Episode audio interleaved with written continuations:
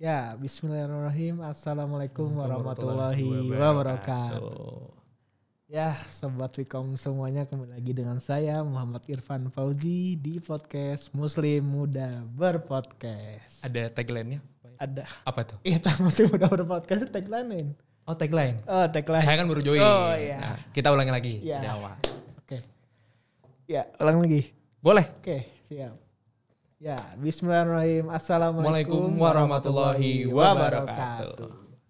Ya, kembali lagi dengan saya Muhammad Irfan Fauzi di Muslim, Muslim Muda, Muda Berpodcast. Berpodcast.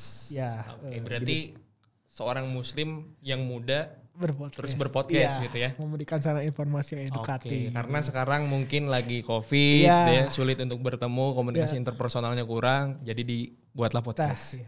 Jadi memanfaatkan situasi yang ada. Iya, betul sekali. Sebagai anak ilmu komunikasi, inovasi dan kreativitasnya Oh, harus selalu terjaga. Nice dong. Itu harus ditingkatkan Iya, ya, Pak pasti Pak Bija. Ya, eh, teman-teman di sini saya tidak sendirian. Di sini saya bersama Bapak Bijak Tama. Wah, Style Vicom. Ya, yang selalu di mana-mana ad- ada mungkin teman-teman tidak asing sama beliau karena wah, Karena saya mahasiswa abadi, Iya, gitu ya. mas- masih belum lulus. waduh, waduh. Jadi kan ya masih setara lah ya Iya, sama mahasiswa, iya, lulus waduh. juga bareng sama Pak Irfan. Jadi ya mungkin bisa dikatakan mahasiswa sih. Mahasiswa Vkom sih. mungkin bukan mahasiswa abadi tapi kayak jatuhnya kayak Jatuhnya bukan kayak gimana tuh? lulus cepat tapi di waktu yang tepat. Di waktu yang Gitu. tepat. Itu alasan Iya. klasik sih untuk mahasiswa-mahasiswa yang mager gitu ya. Untuk nyusun skripsi. Iya. Dia mencari ilmunya terlalu dalam kali ya Pak Bijak. Aduh. Ya mungkin Mangga Pak Bijak bisa memperkenalkan terlebih dahulu. Ya, sebelumnya perkenalkan, nama saya Bijak Tama Sesal Putra dari bidang kajian Public Relation angkatan 2015 agak Ya. susah ya nyebut angkatan 2015 Berat, gitu ya. berat. Saya jadi mahasiswa Vkom ini mungkin tahun terakhir Pak Irfan ya. Mantap. Jadi hari ini masih levelnya Iya. itu mahasiswa yang Masih sedang nyusun skripsi lah. Bentar lagi SIKOM lah ya. Bentar lagi Wah, SIKO. bentar. gitu dan ya pertama-tama saya ucapkan terima kasih banyak ke kawan-kawan Departemen Agama gitu ya yang eh, sudah mengundang orang yang yang biasa-biasa Iya. aja sebenarnya ya. Iya. Beda dengan kawan-kawan yang masih segar, yang masih Waduh. muda gitu, yang masih daya kreativitasnya tinggi, semangatnya masih tinggi Iya. gitu ya. Dengan saya gitu Iya. yang yang sudah uzur kasarnya gitu Pak Irfan. Aduh. Saya sangat berterima kasih lah Ya, pada siap, kawan-kawan. siap. Kita sama-sama sharing dan ya saya di sini bukan sebagai narasumber ya. Ya. Sekali lagi bukan sebagai narasumber karena yang namanya narasumber itu harus orang-orang yang mempunyai ilmu tinggi, Ya. yang mungkin mempunyai gelar gitu ya. Benar, benar. mungkin mempunyai pengalaman yang luas, jam terbang yang tinggi juga Ya. gitu. Kalau saya kan masih apa ya ilmunya masih masih sedikit gitu Sarjana Masih- organisasi Aduh. lah ya. Waduh.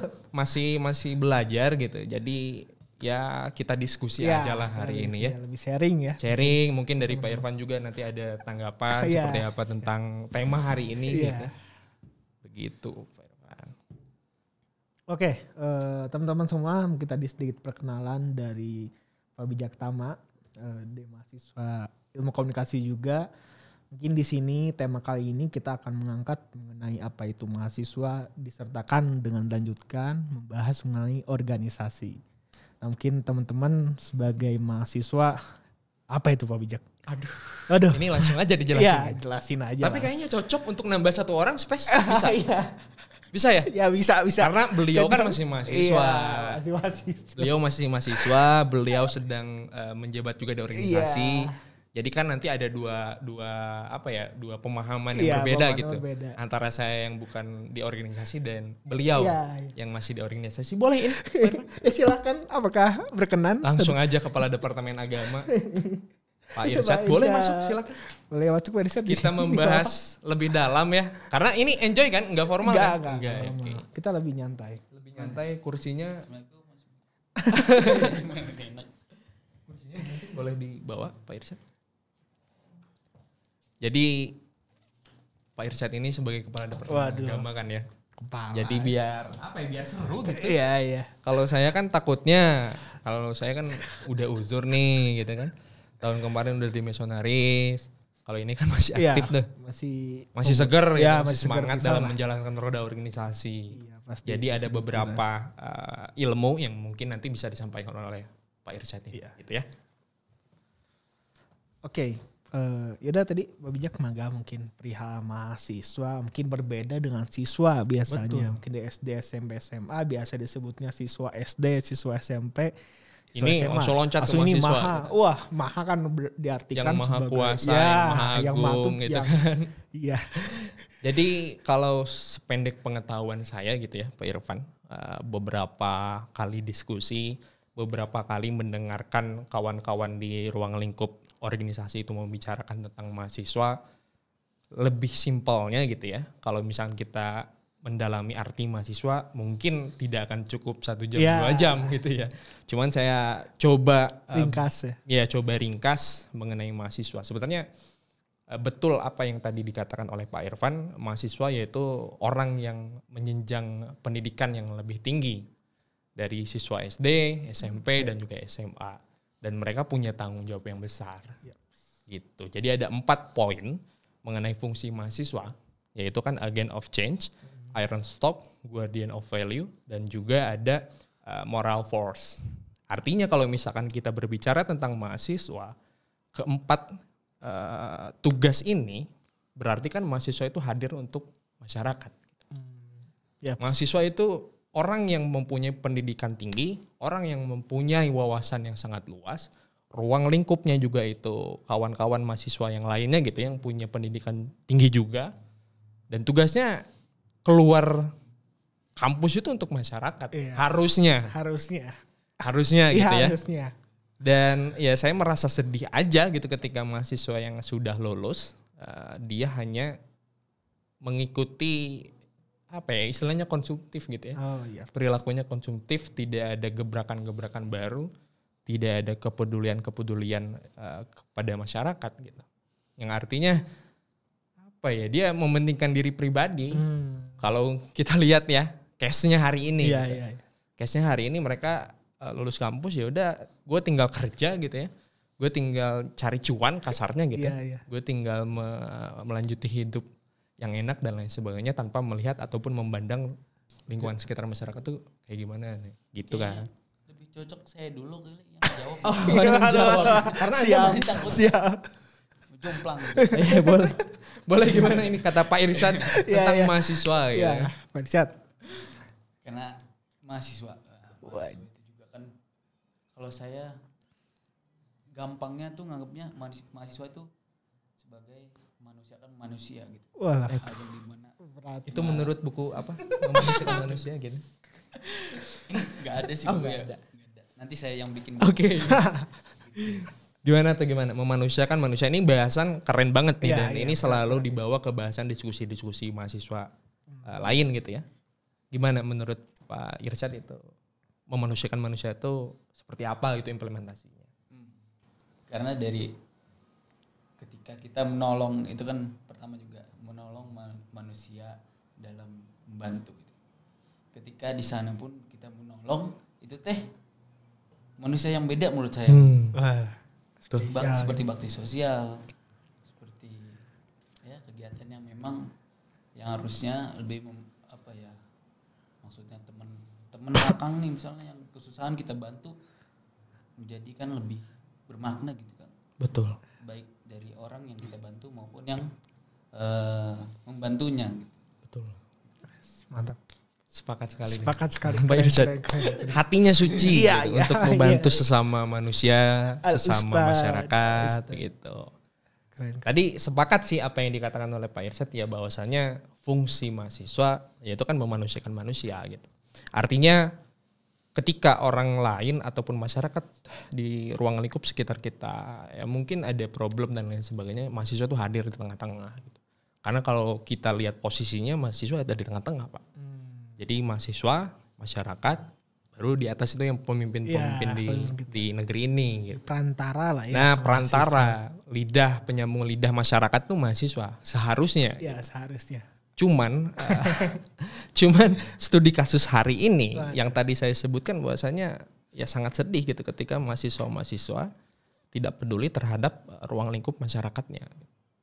tidak peduli terhadap orang-orang yang sejatinya dia apa ya menunggu menunggu gagasan dari mahasiswa tersebut gitu. Dan ya saya juga pernah melihat gitu secara langsung Pak Irfan ketika waktu itu demo KPK ya? Walah. dulu ah, ketika demo KPK ribuan mahasiswa di Bandung itu turun bahkan sejauh barat bahkan nasional. Dan ketika saya dengan rombongan Unisbe jalan uh, ya tukang dagang gitu ya tukang dagang minuman gitu. Terus tukang uh, bangunan tuh yang lagi ngebangun di di gedung-gedung daerah DPRD itu neriakin kita pak. Walah.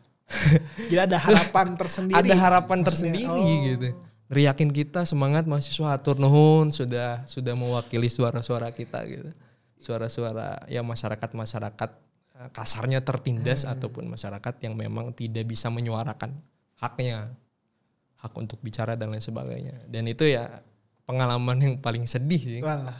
Jadi ketika jalan ada yang bagiin minuman, ibu-ibu yang biasanya klaksonin nih demo kan biasanya bikin Ya, macet. ya. Oh lu bikin macet tuh demo lu. Klaksonin klaksonin. Ini enggak pak. Ini sambil snapgram sih Oh. ya, sambil sambil video ibu-ibunya uh, bilang semangat adik-adik, semangat untuk memperjuangkan hak rakyat. Itu yang bikin nangis bikin saya Walah. tersentuh. Jadi kayak oh begini loh perannya gitu. Begini loh kondisi kita sebagai mahasiswa yang harus uh, mewakili suara rakyat. Begitu. Jadi ini selain berkewajiban untuk belajar, tapi di Betul. satu sisi ya sebagai mahasiswa ada hal lain yang Yes, harus dilakukan. betul Ya, sekali. Karena kalau yang saya lihat di sisi akademik ya di sisi akademik mahasiswa kan ini leb- lebih ini lebih luas ya. Iya. sisi akademik lebih luas lebih banyak hal yang digali Loh kenapa keluar eh, jadi sarjana kok perilakunya Iya. konsumtif gitu Nah, kan? Seharusnya kan udah digodok empat tahun yang normal tuh empat tahun kan? Udah digodok empat tahun tapi mereka itu masih perilakunya konsumtif masih bergantung kepada orang lain bergantung kepada perusahaan-perusahaan dan lain sebagainya. Mungkin itu hal yang wajar ya tetapi untuk era kekinian hal yang begitu yang harus kita kurangi lah ya. Hmm. Jadi bagaimana eh, lulusan mahasiswa itu membentuk suatu ya mungkin suatu usaha ataupun suatu lembaga yang balik lagi tujuannya itu memakmurkan rakyat gitu, memakmurkan masyarakat.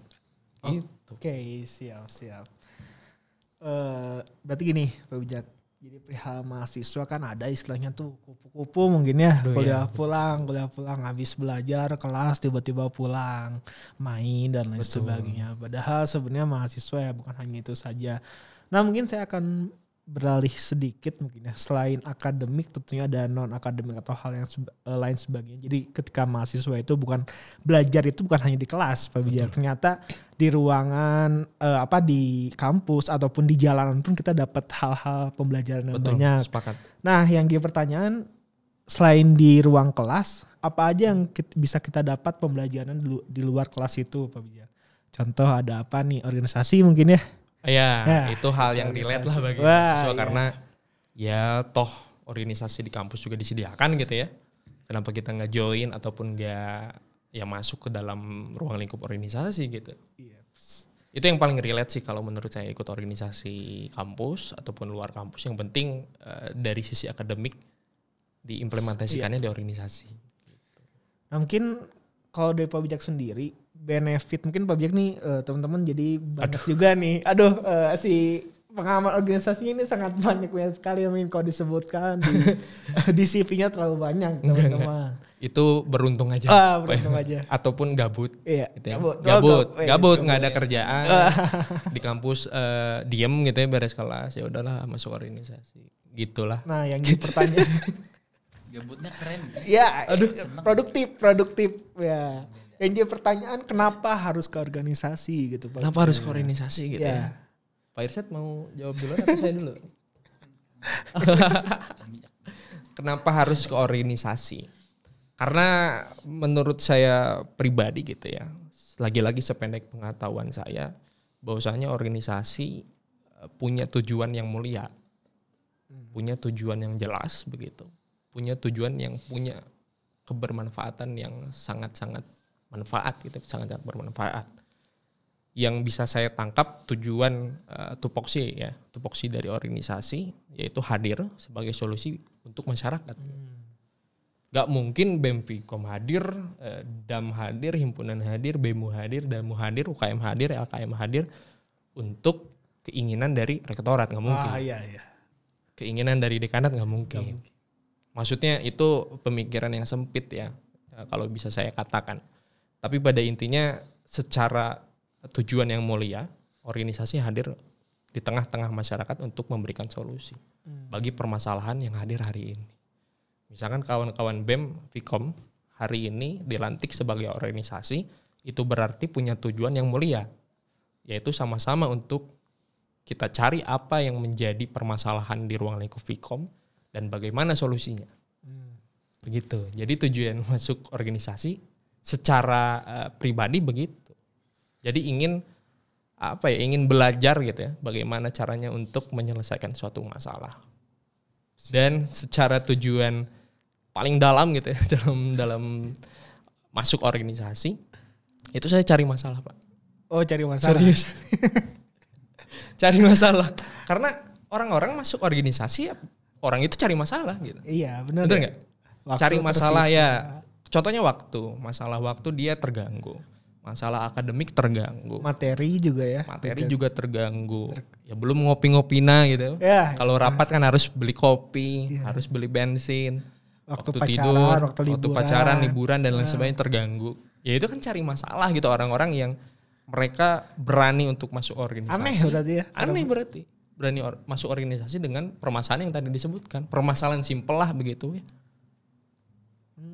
Makanya saya most appreciate gitu untuk untuk Contoh mahasiswa-mahasiswa Kang yang ya. mahasiswa-mahasiswa yang eh, masuk organisasi gitu. Apalagi sekarang kondisinya lagi covid pak ya, Iya. Duh, lebih aneh lagi lebih ya. aneh lagi. Yang memikirkan ekonomi, yang Ekonomi keluarga dan eh, sebagainya. lebih aneh lagi dan lebih berani lagi orang-orang yang hari masih ini sempet-sempet. mengurus organisasi pada saat pandemi gitu.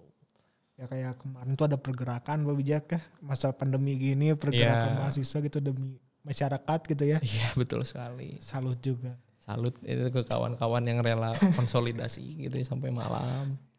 Tadi kan tapi gini Pak Bijak, tadi kan Pak Bijak menerang- menerangkan bahwa aneh juga nih orang yang masuk organisasi itu berarti mencari masalah sebenarnya. Betul.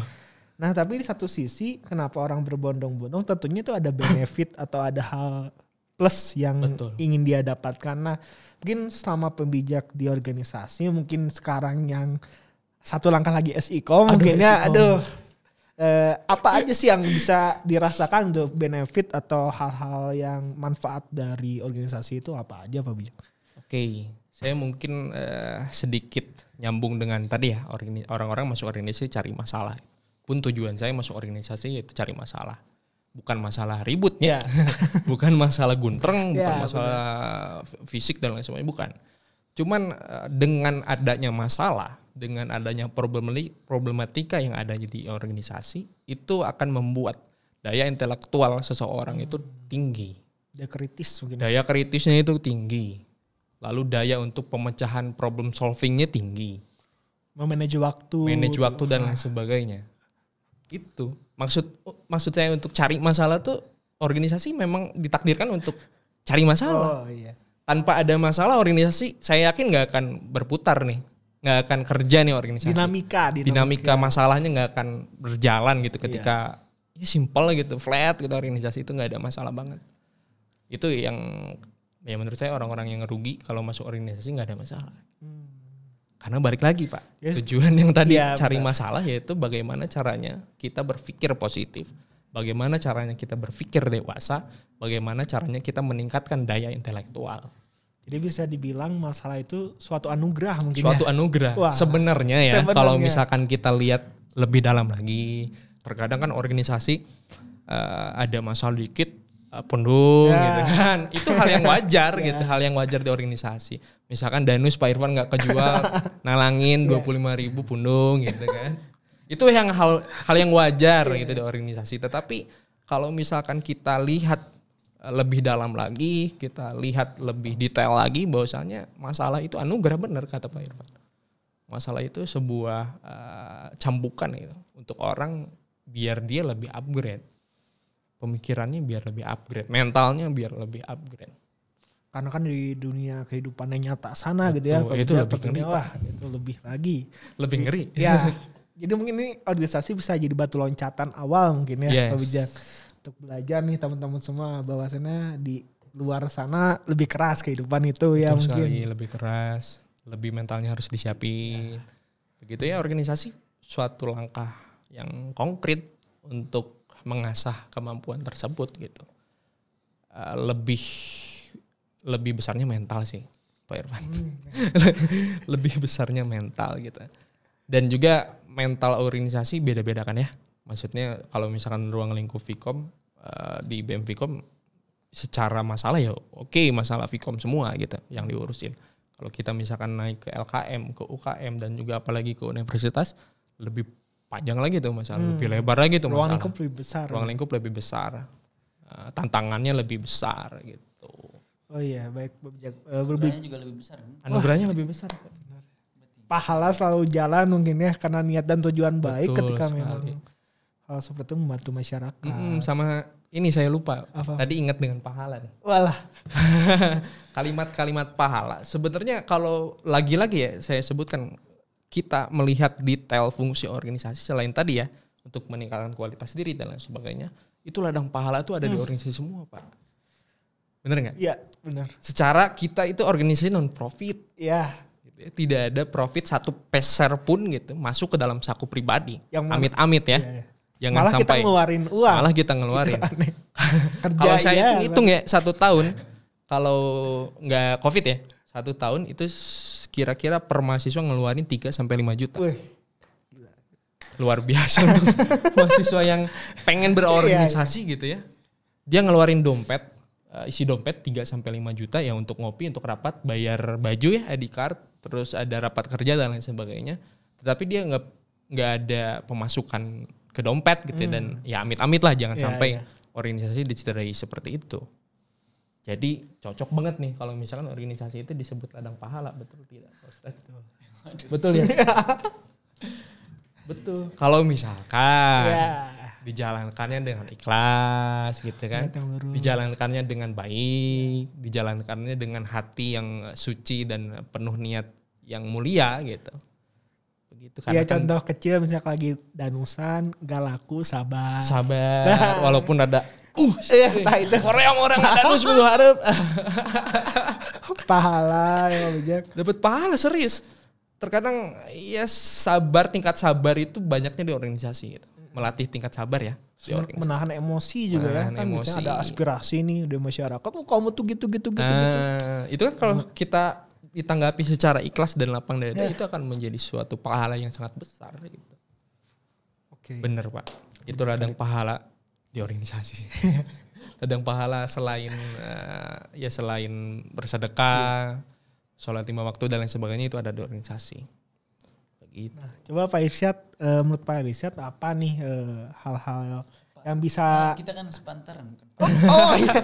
karena ini patut sebutan ini biasa ya Eh, Sebutan di jabatan ya, iya iya Pak Kadep. Iya, bisa. ini Kang Irsyad mungkin ya. Eh, Kang Irsyad gimana nih mau Kang Irsyad setelah eh, memantau dari tadi mungkin ya. Betul. Pak, Pak Bijak kita diskusi.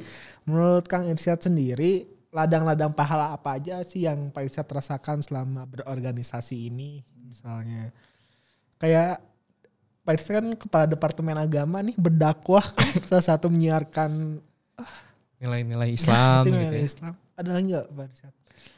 ya intinya bukan intinya ya apa Pada dasarnya. pada dasarnya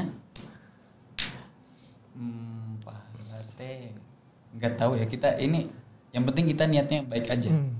nggak tahu itu lain apa lain pikiran deh ketika kita nyarinya pahala dong kitanya yang penting kita niatnya baik dan dilaksanakan pun dengan baik ya insya Allah juga akhirnya baik nanti dapat pahala Oh, Berarti balik lagi ke niat. iya Niat. niat dan tujuan. Niat berorganisasi harus diluruskan dulu. hal yang Gitu ya. fundamental mungkin yang mendasar sekali Yes. gitu dari niat dan tujuan Dari itu. niat dan tujuan, ya semua juga harus diawali dengan niat kan ya Pak Irsyad ya. Yes. Ya pun begitu dengan masuk organisasi harus diawali dengan niat yang baik. Gitu. Hmm. Niat yang memang benar-benar eh, mulia untuk eh, solusi bagi masyarakat, Ya. solusi permasalahan lah bagi masyarakat. Tepat sekali. Ditambah ya organisasi kan kita lagi-lagi saya katakan dilantik pakai Al-Qur'an ya. Aduh, itu itu bukan Bergetar. pakai em, bukan pakai buku Karl Marx Iya. gitu ya, bukan pakai buku ilmu Buku komunikasi, skripsi, bukan pakai skripsi gitu kan. Kita dilantik pakai Al-Qur'an, Pak, gitu kan. Kitab suci. Betapa beratnya firman Allah itu. Yes, betapa beratnya eh, beban dari Amanah. organisatoris, amanah dari organisatoris ketika amanah itu tidak dijalankan dengan baik. Ini kita dilantik di bawah Al-Quran gitu. Dengan mengucapkan sumpah demi Allah dan lain sebagainya gitu ya. Organisasi masih dianggap sebagai eh, ladang ataupun tempat untuk melakukan kegiatan yang tidak berguna gitu kasarnya. Itu kan kita agak berat gitu ya. agak berat. Kan di dunia aja ya Pak Bijak ya. Bukan dunia Jadi saja, dipertanyakan itu di akhirat. Betul tidak? Betul. Sebagai khalifah ataupun pemimpin ya pasti dipertanyakan kan Yap. di di akhirat sekali. sana. Bagaimana kerjaan kamu di organisasi? Apakah organisasi itu sebagai tempat kamu untuk beramal, untuk berpahala? Apakah kamu sudah melakukan hal yang demikian Atau terhadap masyarakat? sebaliknya. Atau yang buruk-buruk gitu? Iya. Malah merugikan masyarakat itu sendiri Oh, Pak Bijak. Karena kan kita semua diciptakan untuk menjadi pemimpin ya. Khalifah Ya, untuk di muka di bumi, bumi. ini. Organisasi, ladang ataupun suatu eh, ruang bagi mahasiswa-mahasiswa yang ingin melatih jiwa kepemimpinannya. Tadi berbicara tentang organisatoris. Betul. Mungkin saya tadi mendengar bahwasannya ada menyangkut masalah amanah dan lain sebagainya. Mungkin tips and trick juga buat organisatoris yang masih baru lah ya, maba misalnya mungkin teman-teman maba di sini atau yang berkeinginan untuk berorganisasi, tentunya kan organisatoris ini sebutan dari eh, anggota atau orang-orang yang Iya, berkecimpung yang di aktif lah. Nah mungkin ada tips and triknya bagaimana sih menjadi organisatoris yang baik itu menurut Pak Bijak pandangannya seperti apa harus bagaimana? Oke. Kalau menurut saya pribadi, lagi-lagi sependek pengetahuan Iya. saya gitu ya. Ah, tips and trick untuk kawan-kawan khususnya mahasiswa baru nanti eh, untuk masuk ke dalam ruang lingkup organisasi. Yang pertama itu tentukan tujuan. Hmm. Tujuan masuk organisasi apa nih? Tujuan secara pribadi dan tujuan secara umum. Hmm. Bedanya apa nih kalau misalnya tujuan secara pribadi dan tujuan secara umum? Kalau misalkan tujuan pribadi, yaitu kan untuk kebermanfaatan diri pribadi. Ya, kepentingan pribadi. Nah, kepentingan pribadinya apa nih untuk masuk organisasi? Pun demikian dengan kepentingan eh, ataupun tujuan secara umum. Ini lu mau buat apa nih di organisasi untuk masyarakat umum ataupun masyarakat luas? gitu. Kedua tujuan itu direalisasikan ataupun sudah punya pegangan lah ya, simpelnya. Itu baru kawan-kawan bisa stagnan gitu ya. bisa semangat untuk Iya. masuk organisasi. Kalau boleh cerita tujuan saya untuk masuk organisasi cuma ada dua, Pak Apa? selama empat tahun ya selama empat tahun dari maba dari 2017 18 19 Berbagai macam organisasi ya. itu cuma dua tujuan pribadi saya gitu ya cuma dua yaitu kan manajemen waktu dan juga manajemen orang.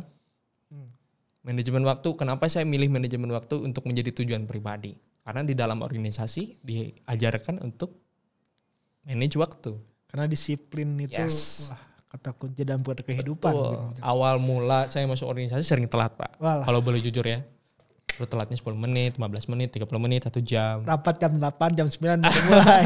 Iya tuh. Udah biasa kayaknya. Iya, iya, iya. Udah biasa merasakan nih Iya, Pak iya. Irfan dan Pak Irsyad. Di awal-awal saya begitu kan. Ya bahayalah gitunya telat 5 menit, 10 menit, 15 menit gue mau dicarikan. Cuman eh, seiring berjalannya waktu dari periode ke periode saya merasakan gitu. Saya merasakan bahwasanya eh, ini telat tuh bukan bukan sebuah Bahan budaya yang juga. bagus ataupun bahan lucuan gitu.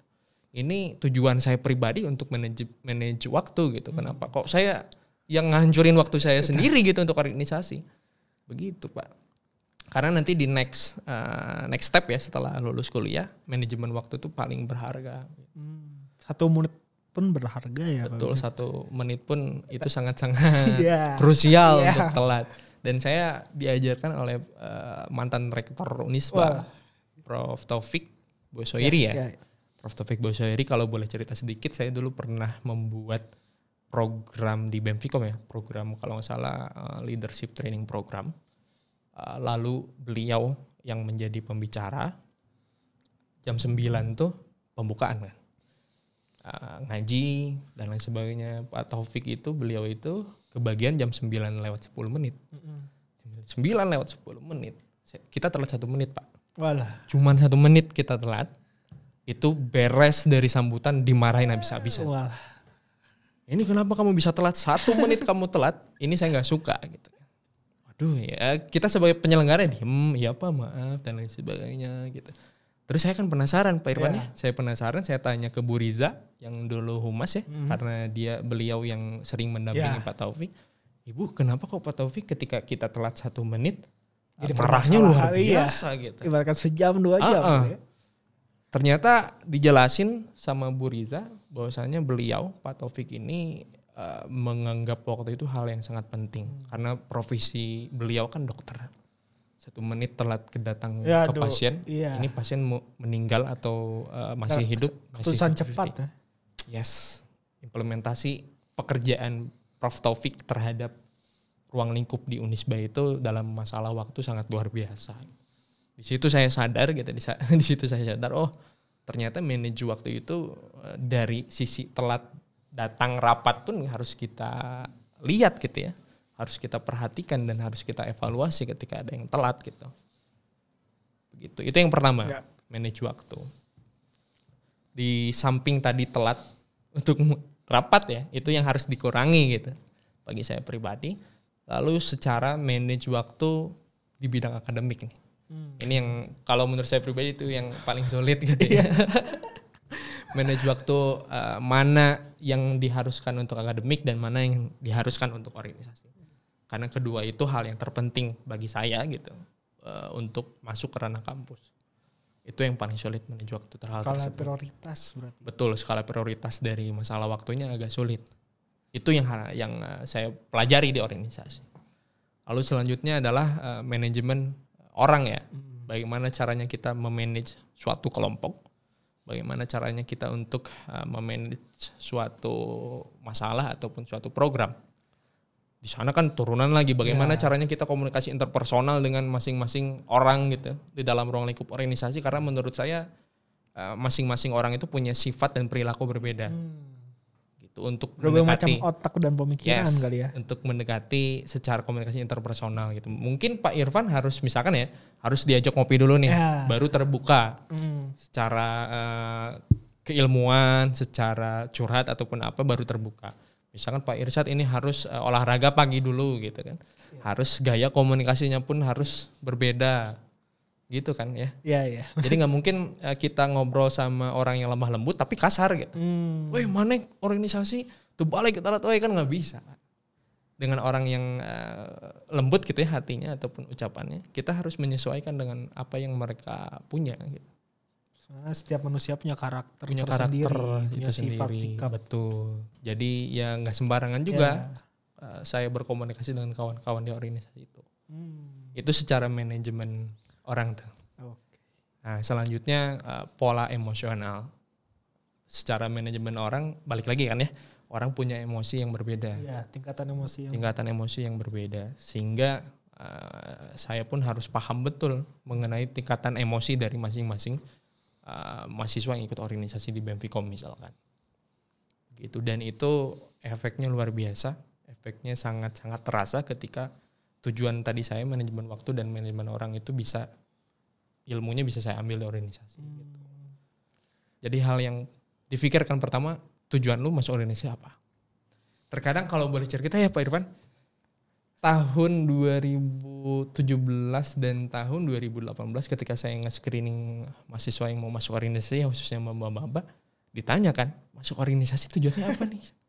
Aduh Kang aku mah biar biar da, gabut aja gitu biar eh, ada waktu buat di kampus ada yang ingin dapat Oh. PDH kan. ada saya pengen dapat seragam itu, keren euy cenah. saya pengen dapat ID card Wih. ya Allah lebar gitu Iya, ya iya, sayang sekali. sayang sekali ketika tujuan mahasiswa tersebut untuk masuk organisasi hanya sekedar tujuannya begitu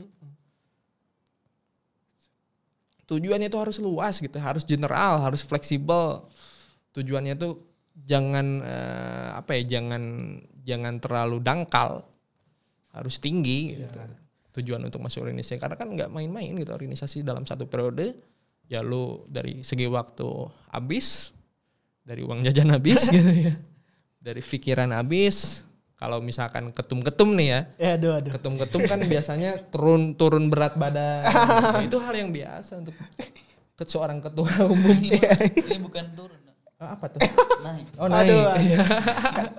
Bahagia berusaha bahagia. kan? berusaha Iya. bahagia begitu Pak Irfan Asli. jadi ya orang ataupun nanti mahasiswa-mahasiswa mahasiswa baru untuk masuk organisasi untuk terjun di ruang lingkup organisasi yang pertama harus dipikirkan tujuan secara pribadi dan tujuan secara umum Nah, saya merasakan juga Pak Bijak ketika tujuan dan niatnya sudah nyeleweng gitu ya. ah Pasti ada aja masalah di organisasi itu gitu. Sebenarnya walaupun niat tujuan kita baik juga ada masalah, tapi pasti ada solusinya di situ gitu ya Pak Bijak. Mungkin Kang Riset enggak menurut Kang Riset seperti apa? Dari saya hmm, pendeknya lagi. sependek pengetahuannya Ya, sependek karena kan kita aku. masih belajar Pak Riset bener aku juga eh, karena salah kepemimpinannya itu kan Mm-mm, salah kepemimpinan. itu emang bener-bener kita dilatih di mana berbuat ketika satu orang di departemennya itu kan pasti berbeda ya setiap staffnya kayak gimana setiap pribadiannya kayak gimana. Dan juga ada relasi sih pak. Itu. betul relasi ya. Karena kita ma- makhluk sosial tentunya butuh banyak sekali ini ya. Benar. Di sana juga kita kan nanti akan membangun di mana eh, niat baik kita dan kita berrelasi dengan orang yang baik juga sana ada silaturahmi nanti. Betul. Nah silaturahmi ini. Memperpanjang umur dan sebagainya. Memper- memperpanjang rezeki Iya, rezeki kan. silaturahmi mungkin ya. Terus Pak Rizal sendiri mau masuk organisasi karena apa nih Pak Ir? nah. Karena ada si dia mungkin. Ya nggak Aduh. tahu. Nggak tahu. Ini Pak Irsyad ini dulu panitia Vkompes paling wah. rajin Pak. Ya divisi logistiknya. Acara. Oh, acara lupa. Rajinnya Ini karena sama apa Rijal. Eh, rajinnya ya tadi yang saya katakan ya rapat selalu Ya, hadir itu kan. selalu memberikan inovasi untuk divisi acara. Gitu ya. Saya kenal Pak Irsyad dari divisi acara Vkompes zaman Ijal ya. Benar zaman Ijal jadi jadi Kor acara. kor acara. Orang lama juga jadi jatuhnya ini. Kurang lama. Ya. Oke, kita lanjut lagi mungkin mahasiswa. Mahasiswa ini dari skala umurnya rentan waktu mungkin mohon maaf eh, ya 18, 20, 21 kan itu masih setara sama artinya sama dengan pemuda-pemudi mungkin ya. Jadi Islam sendiri pun Babijak ya pemuda-pemudi ini apa eh, menjadi harapan Ya, gitu menjadi harapan suatu bangsa pada umumnya gitu ya selain keluarga. Mungkin eh, untuk mengakhiri podcast ini juga nih Pak Bijak eh, Oh, udah beres nih. Wah, iya, nggak nggak terasa oh, gua ini. nggak kerasa ini Saking udah lau- beres. Wih, udah beres saking keenakan kita berbicara perihal mahasiswa, organisasi dan lain sebagainya.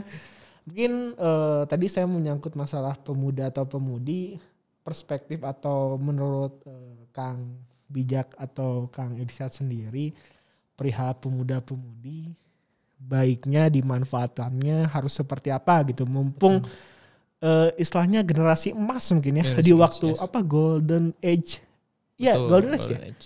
karena ket- eh, apa yang akan kalian rasakan di kemudian hari ya ditentukan dari sekarang apa yang kalian lakukan gitu ya. Ya. Nah mungkin saran, pendapat atau dan lain sebagainya mungkin ya menurut Kang Bijak sama Kang Isyat buat teman-teman sobat Vkom di luar sana gitu ya. Ya mendengarkan podcast ini mungkin sedikit ada saran atau ada nasihat nih menjadi pemuda atau pemudi yang baik harus seperti apa? Oke, dari saya dulu. Ya silahkan. Untuk uh, berbicara tentang uh, pemuda dan pemudi, ya tadi saya sepakat dengan apa yang dikatakan oleh Kang Irfan. Bahwasanya pemuda dan pemudi ini salah satu uh, bensin gitu ya. ya. Dianalogikan sebagai bensin, bahan bakar untuk membuat mesin itu nyala. gitu. Artinya bahan bakar itu harus dibuat dengan takaran yang pas. Gitu. Ya. Takaran yang pas, lalu dengan eh, metode pembuatan yang sangat eh, luar biasa, selektif untuk membuatnya dan lain sebagainya nggak mungkin kita buat bensin langsung gitu ya Iya. dicampur gitu ya Ada proses. mungkin harus ada proses analoginya seperti itu seorang pemuda ataupun pemudi eh, untuk bisa mencapai tujuan yang sangat luas itu butuh proses yang sangat panjang Hmm. proses dinamika dalam eh, pertemanan mungkin ya, Ya. simpelnya gitu proses dinamika dalam kehidupan proses dinamika dalam ya organisasi lah kita kita katakan begitu ya. Itu harus eh, benar-benar detail gitu. Harus benar-benar prosesnya itu matang itu yang dinamakan pemuda dan pemudi. Dan eh, lagi-lagi saya katakan untuk pemuda dan pemudi hari ini gitu khususnya organisatoris jangan takut akan masalah. Ya. jangan takut akan masalah gitu. Karena balik lagi apa yang tadi saya jabarkan, apa yang saya tadi katakan, bahwasanya masalah itu suatu langkah ke depan bagi seseorang untuk lebih baik dalam pola pikirnya, lebih baik dari mentalnya gitu. ya. Dan dia punya daya kritis yang sangat luar biasa, lalu dia punya daya intelektual yang luar biasa. Kita akan menjadi pengalaman adalah guru terbaik Betul. masa depan. Jadi jangan takut akan Ya. masalah. Untuk pemuda-pemudi ya, kalau saya kan tadi kata Kang Irfan eh, maksimal 22 tahun. Biasa. Enggak, Kalau saya entar kan waktu 23 tahun. Berarti saya udah tua, bukan lagi pemuda dan waktu gitu Pak Irfan. Ya. Jadi jangan takut akan masalah. Oke. Itu yang pertama. Itu yang mendasari ketika pemuda dan pemudi pemudi itu punya cita-cita yang luar biasa. Punya cita-cita yang uh, luas, punya cita-cita yang mulia. Yang pertama yang dilakukan adalah jangan takut akan masalah. Ya, tepat sekali. Jangan takut akan masalah. Itu masalah yang uh, nantinya datang kepada seorang pemuda ataupun pemudi itu yang uh, menjadi bahan bakar ke depan. Tepat sekali. Saya sepakat. itu yang pertama. ya. Lalu yang kedua, jangan takut akan kritik. Hmm. Yes. Apalagi nih organisasi Iya, nih gitu kan. benar ya. Kritik Jangan takut akan muncul. kritik karena ketika kritik ketika seseorang mengkritik itu akan ada dua faktor yang bakal keluar. Yang pertama, yang pintar akan merenung. Lalu yang kedua, yang bodoh akan tersinggung. Ya, tepat sekali. Kalimat-kalimatnya begitu Iya, ya. iya. Ketika seseorang mel- me- melakukan kritik akan ada dua macam orang ataupun jenis orang ataupun pikiran-pikiran dari orang lain. Yang pertama yang tadi saya katakan ketika orang wah lu BEM nggak bener nih gitu. Lu BEM eh, tidak menyuarakan hak dan kewajiban mahasiswa. Wah BEM jelek dan lain sebagainya. Itu kan ada dua sifat yang nantinya akan bakal Ya. muncul gitu kan. Yang pintar akan merenung. Merenung karena apa? Merenung karena kita harus mengevaluasi diri dan mengevaluasi organisasi sistemnya seperti apa. gitu. Mereka akan merenung, mereka akan menyelesa- eh, menyelesaikan hal tersebut gitu, kritik tersebut. Lalu bagaimana dengan eh, tipikal orang yang eh, mereka langsung eh, pundung gitu ya. Bisa dikatakan kan ada ya, begitu kan ada saja langsung pundung, langsung eh, emosional dan lain sebagainya. Itu yang perlu kita rawat gitu. Itu yang perlu kita perbaiki untuk ke depannya ketika ada sebuah kritik eh, maupun saran, walaupun ya menurut saya kritik dan saran bukan suatu, suatu eh, korelasi yang sejalan gitu ya. Ya buat apa kita kritik, tetapi setelahnya kita memberikan saran gitu Yap. ya kawan-kawan tidak akan berkembang lah karena teman-teman berdua ini dan teman-teman yang lainnya dipilih untuk menjawab kritik dari mahasiswa Fikom. Berarti ya, karena ada istilahnya dalam suatu hubungan mungkin saya saya mengkritik Anda karena saya perhatian dengan Anda Betul. mungkin ya. Ya sekarang orang-orang tuh ngelihat kritik itu apa ya? Sebagai suatu cacian, Iya, makian ca- mungkin ya. ca- cacian atau makian gitu. Wah ya eh, jelema yuk cigana tebeki ke orang gitu kan. Cigana ieu mah bemna nggak kritik wae. itu ya saya sepakat dengan Pak Irfan gitu ketika melihat kritik itu orang yang peduli terhadap organisasi. Gitu. Makanya saya, saya selalu bilang ke kawan-kawan BEM di tahun 2018 bahwasanya jangan takut STP. Jangan takut sidang akhir periode, jangan takut kongres gitu ya jangan takut musyawarah besar karena memang itu tempat kawan-kawan dikuliti gitu. tempat kawan-kawan dikritik dan 50-50 ketika uh, korum ataupun forum datang ke STP maupun SAP itu sedikit ya berarti apakah organisasi Ada ini apa? bagus gitu ya ya itu kan alhamdulillah Iya. cuman negatifnya apakah ini orang-orang nggak nganggap ada lu Nah. sebagai organisatoris gitu kan 50-50 begitu jadi yang pertama tadi jangan takut akan masalah dan jangan takut akan kritik. kritik Tepat sekali. betul dan yang terakhir sih ya yang terakhir eh, jangan eh, menolak untuk sharing harus open minded sih kita harus open minded serius jangan menutup diri Karena pada hakikatnya kita tuh masih belajar di sini apa betul bijak ya. sekali kita harus ya, Sepintar-pintarnya kamu juga orang mungkin punya pengalaman Betul. berbeda. Jadi jangan jangan menolak ketika orang lain ingin sharing tentang ya lah lah apa pun gitu khususnya kalau di organisasi kan banyak tuh orang ngajak sharing dan lain sebagainya kita juga harus open minded kita jangan menutup diri dan berburuk sangka gitu Ya Karena kayak di masyarakat Hmm. luas juga, maksudnya kita lagi naik ojek juga terkadang tukang ojek ini dia punya pengalaman tersendiri mungkin ya betul sekali yang membuat menjadi kita pembelajaran. gitu. Betul. Jadi ya luangkanlah waktu untuk sharing juga gitu selain akademik, juga selain organisasi dan lain sebagainya karena ya berbicara tentang pengalaman kan luas ya, Ya. lagi-lagi. Kita harus mencari pengalaman yang mungkin tidak bisa lebih dibeli menarik. sama- Ah, tidak bisa dibeli. Dan juga ya perihal sharing itu harus ditingkatkan lah Iya, intinya siap. gitu ya. Mantap. Oke, Kang Riset mungkin apa Kang Riset pesan terakhir buat pemuda-pemudi gitu ya. Gimana menurut Pak Riset pesan-pesan dan nasihatnya gitu buat eh, anak-anak nih atau mahasiswa yang baru mungkin ya. Karena bentar lagi kita pensiun mungkin. Eh, dia nggak pensiun ya? Gak tahu. Gak tahu. Lu angkatan berapa? 17. 17. Sama, sama. Oh sama. Saya. Oh nggak nggak pensiun tahun ini. Eh, Oh enggak. tahun ini. Oh tahun ini. Iya. Atau mau melanjutkan ke jenjang yang lebih tinggi. Kan BMHikom udah nih. Hmm, bener. Atau mau lanjut ke mana? Iya gitu. Masih dipikirkan katanya. Iya, iya, iya, iya. Jadi iya Rizal? juga, kita juga sebenarnya senang sih masalah dikritik teh. Kita sangat membutuhkan juga karena kan masalah kritik juga. Jadi di organisasi gitunya yang saya rasain juga. Ketika dikritik itu teh kita diperhatiin gitu Betul. sama teman-teman ya masyarakat Vicom. Itu juga sebagai pelajaran kita di mana eh, kegiatan kita ini teh baik atau enggak. Sepakat. Itu cocok enggak sama eh, masyarakat Vicom gitu. Saya sangat menghargai Hmm. ketika ada kritiknya. Begitu untuk pemuda dan pemudi. Iya untuk penerus Harapan bangsa. bangsa. Iya harapan dia. Ya mungkin kawan-kawan Vkom semua, sobat-sobat Vkom semua, sekian mungkin ya.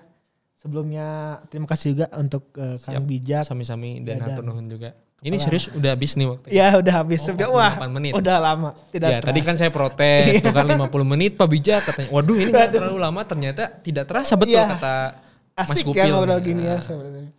Eh, dan terima kasih juga kepada kadep kami, kadep kepada Departemen Agama BMP Komunis Ya, Kang yang- Irsyad. yang mendadak Iya. ya, tidak ada briefing. Kasihan banget ini Pak Irsan.